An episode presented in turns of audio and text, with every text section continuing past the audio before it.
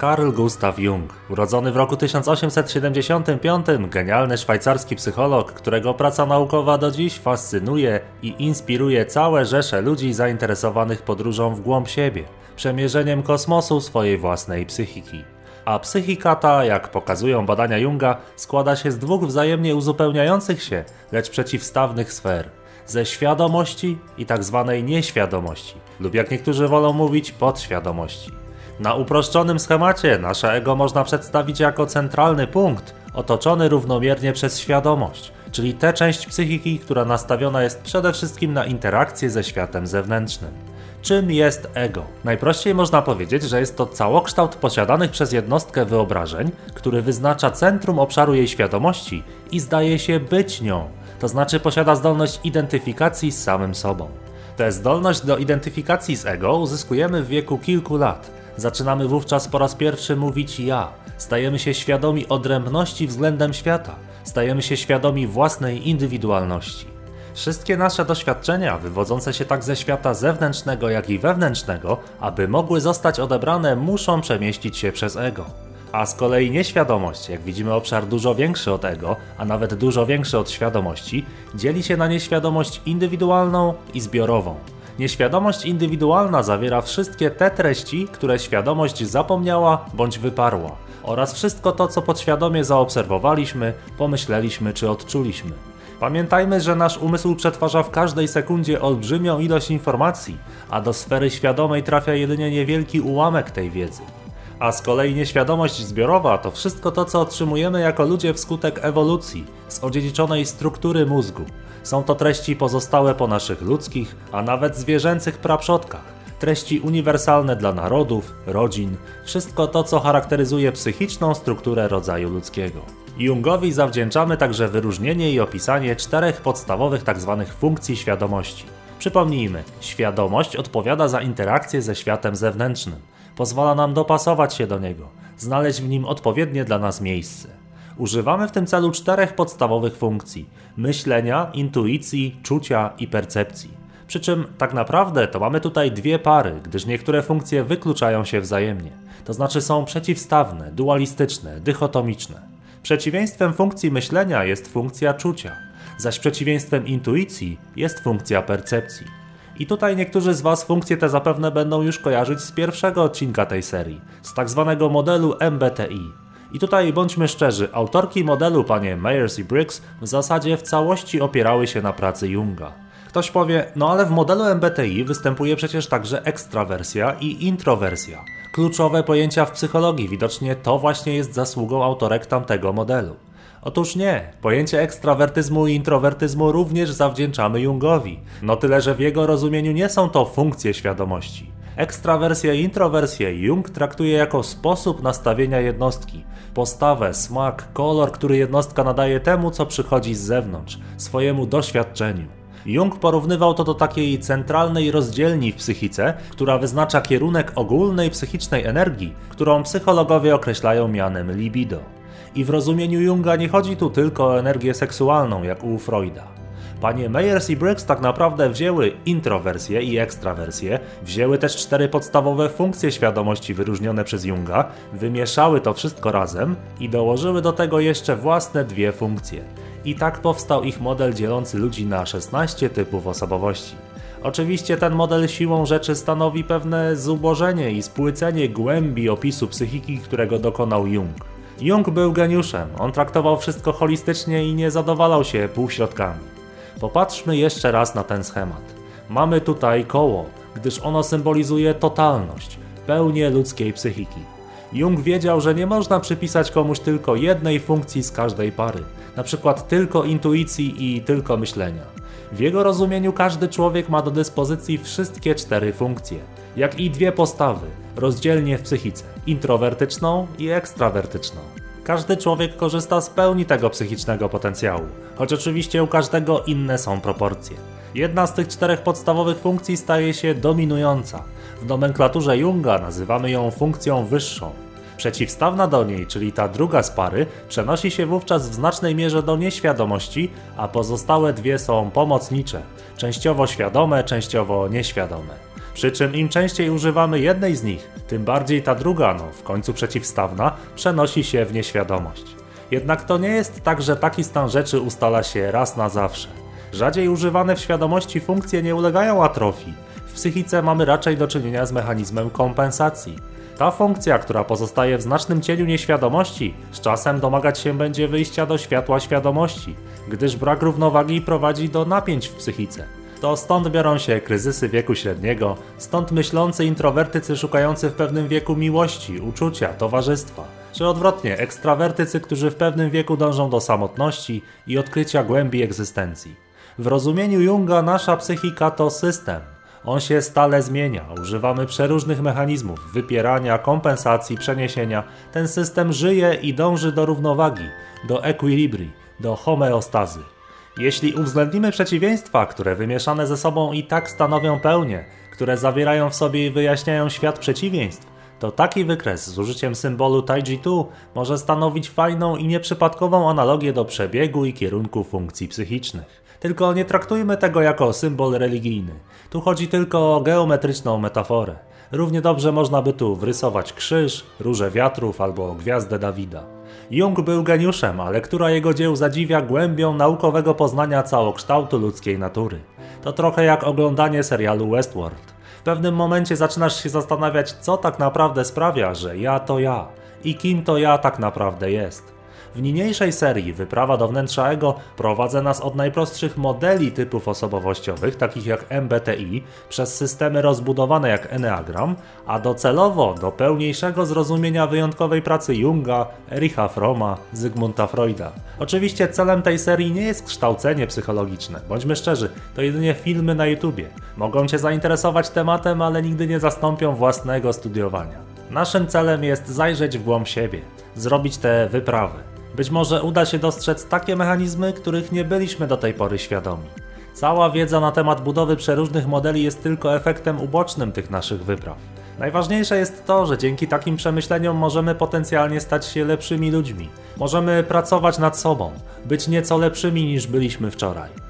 Dzisiaj jeszcze nie zagłębimy się w pracę Junga. To, co powiedziałem do tej pory, musi wystarczyć jako taki sneak peek czy trailer. W tym odcinku serii chcę Wam pokazać kolejny, siłą rzeczy nieco uproszczony model, bazujący na pracy Junga. Jego autorem jest Robert Moore, a sam system opisano w książce pod tytułem King Warrior Magician Lover.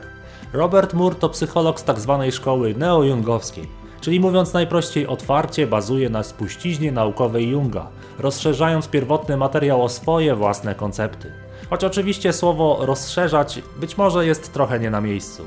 W praktyce wygląda to tak, że autor wyjmuje fragment twórczości Junga i ten fragment rozszerza o nowe pojęcia. Podobnie zresztą uczyniły panie Meyers i Briggs, jak również cała rzesza ludzi zainspirowanych pracą geniusza. I teraz tak, każdy model opisu osobowości musi przyjąć jakieś oznaczenia. MBTI mieliśmy do czynienia z oznaczeniami literowymi, zaś w Enneagramie użyto cyfry od 1 do 9. Jak widać, autorzy często uciekają od oznaczeń, które mogłyby rodzić jakieś skojarzenia, które mogłyby wpłynąć na odbiór danej nazwy przez czytającego. Robert Moore rozwiązał ten problem inaczej. Oznaczeniami w jego systemie są tak zwane archetypy. Samo pojęcie archetypu zostało zdefiniowane, jak się zapewne domyślamy, przez Junga. Otóż, archetypy siedzą w naszej ludzkiej nieświadomości. To one określają instynktowne, czyli psychicznie potrzebne postawy i reakcje na określone sytuacje. Te wzorce zachowań dziedziczymy biologicznie. To nie jest tak, że opowieści, jakich w dzieciństwie słuchamy, tworzą archetypy. Nie, te wzorce już w nas tkwią jako zarys psychicznego funkcjonowania człowieka. Opowieści, czyli tak zwane mity, stanowią jedynie ukazanie tych pierwotnych, nieświadomych kierunków zachowań poprzez zaprezentowanie tak bohatera mitu, jak i jego historii życiowej. Te opowieści, które przekazujemy sobie z pokolenia na pokolenie, ujawniają prawdę o nas samych, o naszej nieświadomej sferze psychicznych reakcji. Na przykład mitologia grecka. Dionizos ujawnia hedonizm, czyli nasze dążenie do zmysłowych przyjemności i uciech. Posejdon reprezentuje pokłady gniewu. Hefajstos to skryty w odmętach wulkanu perfekcjonista, ale i mizantrop. Hera to z jednej strony opiekunka małżeństwa i płodności, ale cechuje ją także zazdrość, mściwe knowania i intrygi. Tak, mity pomagają nam zrozumieć siebie, korzystać mądrzej, bo ze świadomością konsekwencji ze swoich zasobów psychicznych. Robert Moore wybrał do swojego modelu cztery archetypy, które ponownie możemy rozrysować na planie koła czy krzyża. Oś północna to archetyp króla, z angielskiego king, lub w przypadku kobiet królowej, angielskie queen. Przeciwstawny archetyp na osi południowej to magician, czyli magik. Na osi wschodniej mamy prawą emocjonalną część mózgu i lewą część ciała, czyli serce. Mamy archetyp kochanka, lover. Przeciwstawny archetyp na osi zachodniej to lewa logiczna część mózgu, kontrolująca prawą część ciała. Wojownik, warrior. Już na pierwszy rzut oka widzimy tu inspirację pracą Junga. Mamy tu przecież dwie pary przeciwstawnych funkcji psychicznych. Intuicyjny król, spostrzegawczy magik, myślący wojownik, czujący kochanek. Punkt centralny krzyża, przecięcie obu osi symbolizuje równowagę, equilibrię. Praktyce jednak jako ludzie wykazujemy, co wyłożył Jung, dominację funkcji wyższej oraz obecność dwóch wzajemnie rywalizujących funkcji pomocniczych. Model Mura stawiający konkretne archetypy w miejsce funkcji psychicznych ma pozwolić nam łatwiej znaleźć nasz aktualny środek ciężkości, nasz aktualny punkt na tym wykresie, do czego zaraz przejdziemy. Każdy archetyp, czyli każda funkcja psychiczna, może być używana w sposób dojrzały, czyli zrównoważony. Ale archetyp może być także nadużywany, czyli podlegać inflacji, albo odwrotnie, pozostawać w cieniu nieświadomości, czyli podlegać alienacji. I z tego powodu każdy archetyp posiada tak zwane dwa cienie. Jeden wynikający z inflacji, drugi z alienacji. Wszystko stanie się jednak jasne w praktyce. Proponuję zatem od razu przyjrzeć się pierwszemu archetypowi. Rozpoczniemy od osi wschodniej modelu, od postawy kochanka. Jest to archetyp, który odpowiada naszemu psychicznemu potencjałowi do odczuwania miłości, empatii, piękna, radości, przyjemności, entuzjazmu.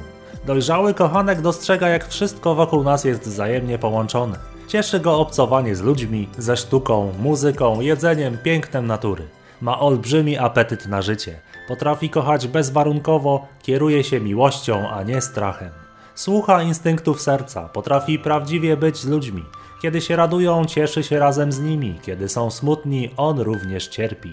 Dojrzały kochanek nie ma problemu z naturalnym wyrażaniem swojej seksualności. Potrafi budować trwałe związki, jest dobrym partnerem.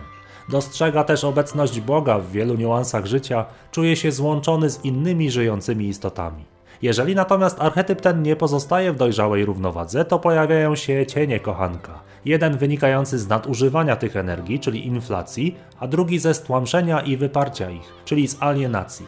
Pierwszy cień, inflacyjny, to postawa uzależnionego kochanka. Jest to kolokwialnie mówiąc tak zwany chłopiec mamusi. Zbyt zakochany we wszystkim. Skacze z kwiatka na kwiatek, od znajomości do znajomości, od zajęcia do zajęcia. Wszystkiego próbuje, niczego nie kończy. Gołosłowny, rzucający obietnice na wiatr, nie można na nim polegać. Powierzchowny w tym co robi, zmieniający często zdanie, bardzo zależny od innych. Brakuje mu właściwego wojownikowi ugruntowania, dyscypliny, skupienia na konkretach, bycia słownym. Zbyt rozkochany w świecie, w jego przyjemnościach i atrakcjach, zbyt zanurzony w popędach i cielesności, przez co brakuje mu samodzielnej refleksji oraz praktyk kształtujących dyscyplinę poprzez trening, poprzez odzyskanie decyzyjności i samokontroli wojownika. Drugi cień, wynikający z wyparcia, z alienacji archetypu i energii kochanka. To postawa fantasty, marzyciela, kolokwialnie mówiąc tak zwanego impotenta. Oczywiście w sensie psychicznym, a nie fizycznym. Wyalienowany kochanek wypiera miłosne energie do odmętów własnej nieświadomości. Owszem, marzy i fantazjuje na temat związków, a nawet życia prowadzonego z kimś, ale na tych rozmyślaniach poprzestaje. W świecie realnym nie podejmuje nawet próby rozpoczęcia rozmowy w tym klimacie, nie przejmuje tej inicjatywy. Jego wielkie miłosne wizje nie przekładają się na działanie, nie realizuje swojej seksualności w sposób dojrzały. Często oddaje się praktykom masturbacji czy oglądania pornografii, które tak naprawdę nie wymagają od niego interakcji z rzeczywistym zewnętrznym światem.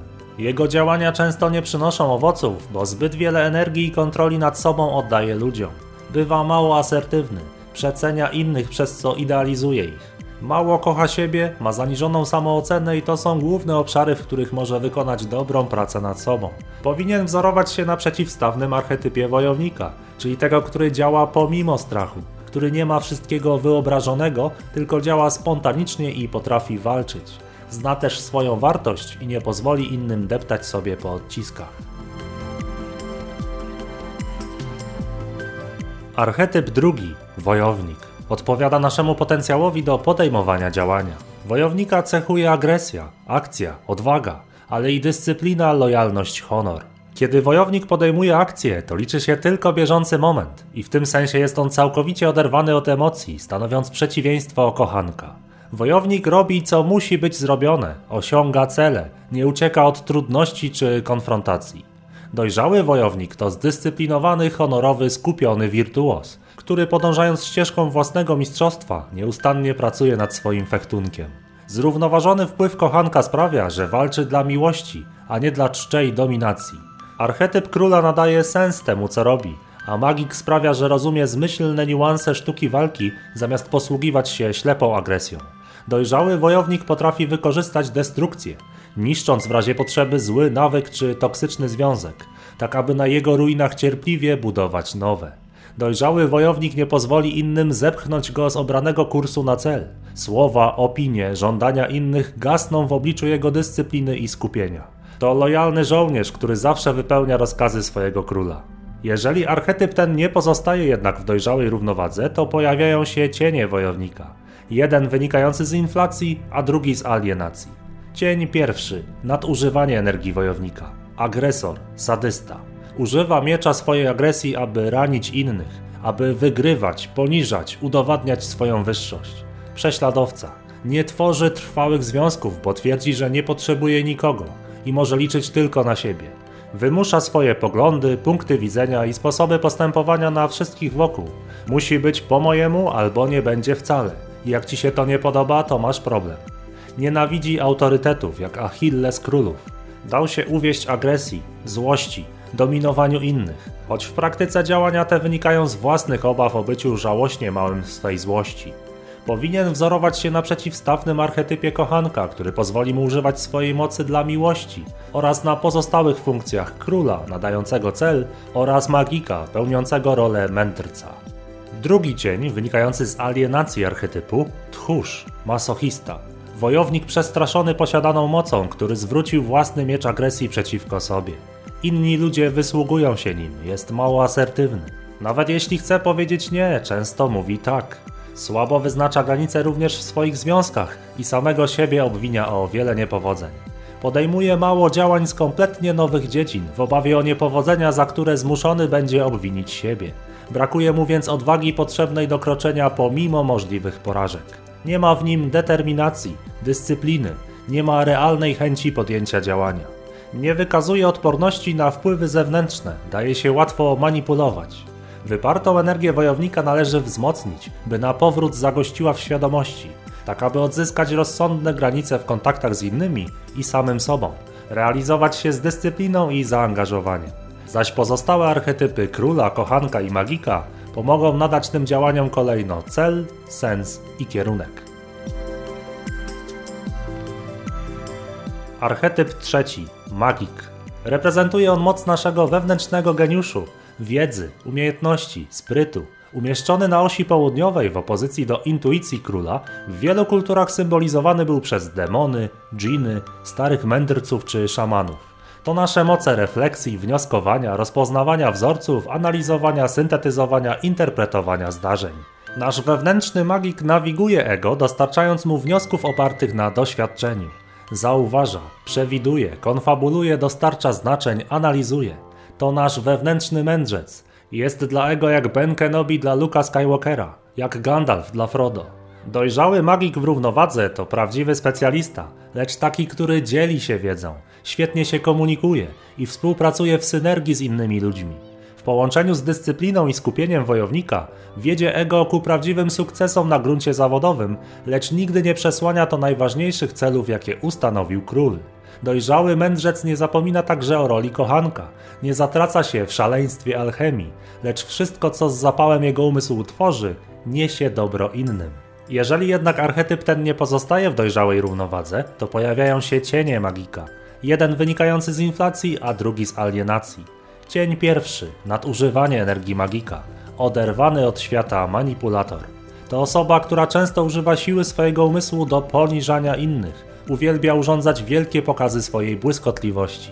Dominuje w rozmowach, analitycznie dekonstruując wypowiedzi innych i udowadniając im, gdzie dokładnie popełnili błąd. Często powtarza, że otacza go banda kretynów, a większość ludzi to głąby. Arogancki typ, umyślnie nietaktowny, etykietkuje ludzi, wydaje osądy. Nie potrafi już cieszyć się sztuką, we wszystkim szuka niedoskonałości, aby móc ją skrytykować. Neguje jakiekolwiek przejawy religijności, nie uznaje pierwiastków duchowych w świecie, projektując na innych własny fundamentalizm. Nie dzieli się wiedzą, zamiast tego woli urządzać pokazy własnej przebiegłości, których ukrytym celem jest zniszczyć radość i dumę w innych ludziach. Za sprawą wiedzy i umiejętności chce się czuć wyjątkowy, podziwiany, najmądrzejszy. Aby to osiągnąć, będzie kłamać, manipulować, zatajać informacje, lawirować. Cień drugi, wynikający z alienacji archetypu, niewinny statysta. Statysta, bo przeżywa życie w fotelu. Sam nie bierze udziału w działaniach. Nie tworzy, nie próbuje, nie brudzi rąk. Zamiast tego osądza i pogardza tymi, którzy podejmują akcje. Schowany za maską rzekomego specjalisty, w rzeczywistości uciekający od własnych obaw, skrycie zazdrosny o tych, którzy działają z inicjatywą. Jego problemem jest perfekcjonizm. Unika bardzo wielu aktywności w obawie o naruszenie fasady specjalisty. Wojownik z nadklawiatury. Doszukuje się najmniejszych nawet uchybień w pracy innych, choć sam nigdy nie ma odwagi wyjść na scenę. Lubi gry wideo, w których może bezpiecznie symulować bycie w centrum wydarzeń. Ucieka od prawdziwej odpowiedzialności, od wszystkiego, co wymagać będzie sprostania prawdziwej presji oczekiwań. Z powodu perfekcjonizmu często popada w stany prokrastynacji. Archetyp czwarty. Król, królowa. Umieszczony na osi północnej, czuwający na tronie nad całym królestwem, integrujący całość osobowości. Energią króla jest intuicja, autorytet, wizja, decyzyjność. To królewska, dojrzała część naszej natury. Dojrzały król wprowadza wokół siebie pokój, służy swojemu królestwu, realizuje swoje dziedzictwo. Dba o bezpieczeństwo rodziny, łoży na jej utrzymanie, zachęca i pobudza samorealizację jej członków. Protektor, wizjoner, człowiek honorowy. Pobudza wizję, kreatywność, pomysłowość, ale jednocześnie potrafi być mentorem, dzielić się wszystkim, co sam doświadczył. Pomaga, błogosławi, umie podejmować trudne decyzje, jest słowny i kieruje się dobrem królestwa, którym zarządza. Jeżeli jednak archetyp ten nie pozostaje w dojrzałej równowadze, to pojawiają się cienie króla. Jeden wynikający z inflacji, a drugi z alienacji. Cień pierwszy nadużywanie energii króla. Tyran, despota, rozkochany we władzy, żąda i domaga się respektu od wszystkich wokół. Uwiodła go własna moc, chce wszystko kontrolować, zastrasza, przytłacza, dominuje innych. Perfekcjonista do granic możliwości, wciąż stara się być lepszy, szybszy, większy. Nie potrafi przyjmować poleceń, musi dowodzić, kompulsywnie szuka okazji do dominacji. Gardzi słabością, jest narcystyczny, chce być podziwiany przez innych. Tak jak król pobudza innych, wzmacniając ich w realizowaniu siebie, tak tyran niszczy i deprecjonuje wszelkie przejawy siły i inicjatywy, które nie są jego własnymi.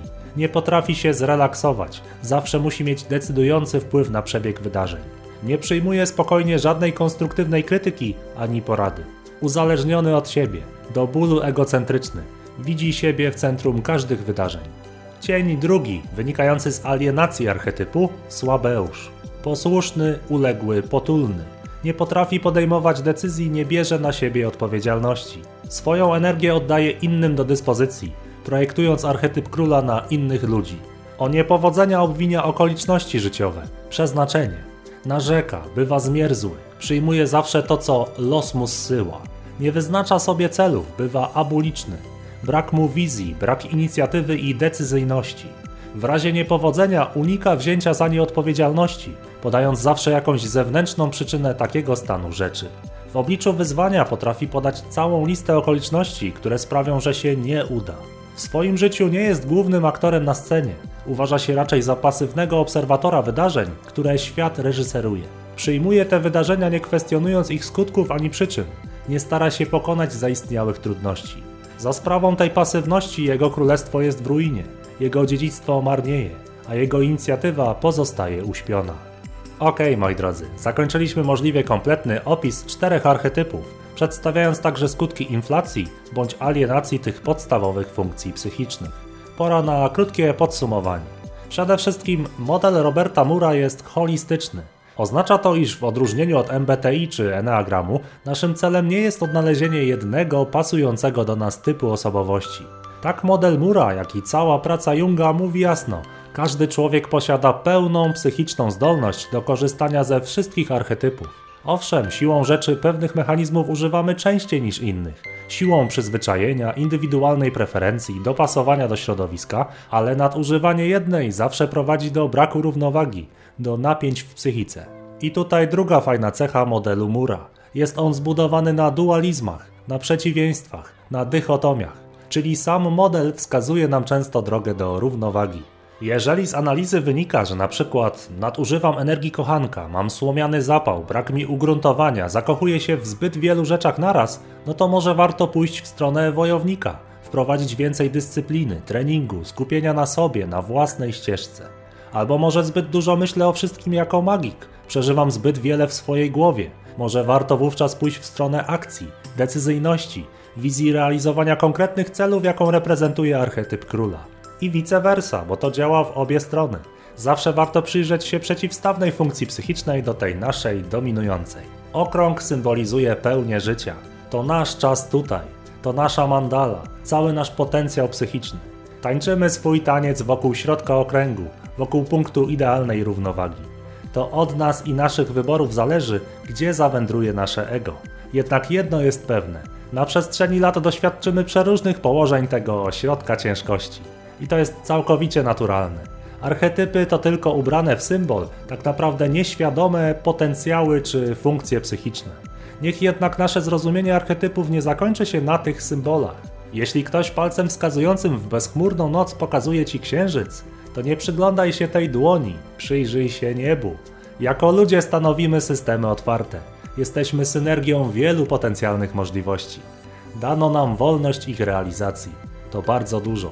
Możemy się wzajemnie wspierać w tej pięknej podróży, możemy się też wzajemnie ranić. Jedno jest pewne: czasami warto przyjrzeć się naszemu wnętrzu, ponownie zachwycić się, jak niezwykłą istotą jest człowiek. Zdolny do najpiękniejszych aktów odwagi, miłości, poświęcenia, jak i najokrutniejszych przejawów gniewu, zazdrości, pychy. Dziękuję Wam za kolejną wyprawę do wnętrza Ego. Do usłyszenia niebawem. Pozdrawiam serdecznie.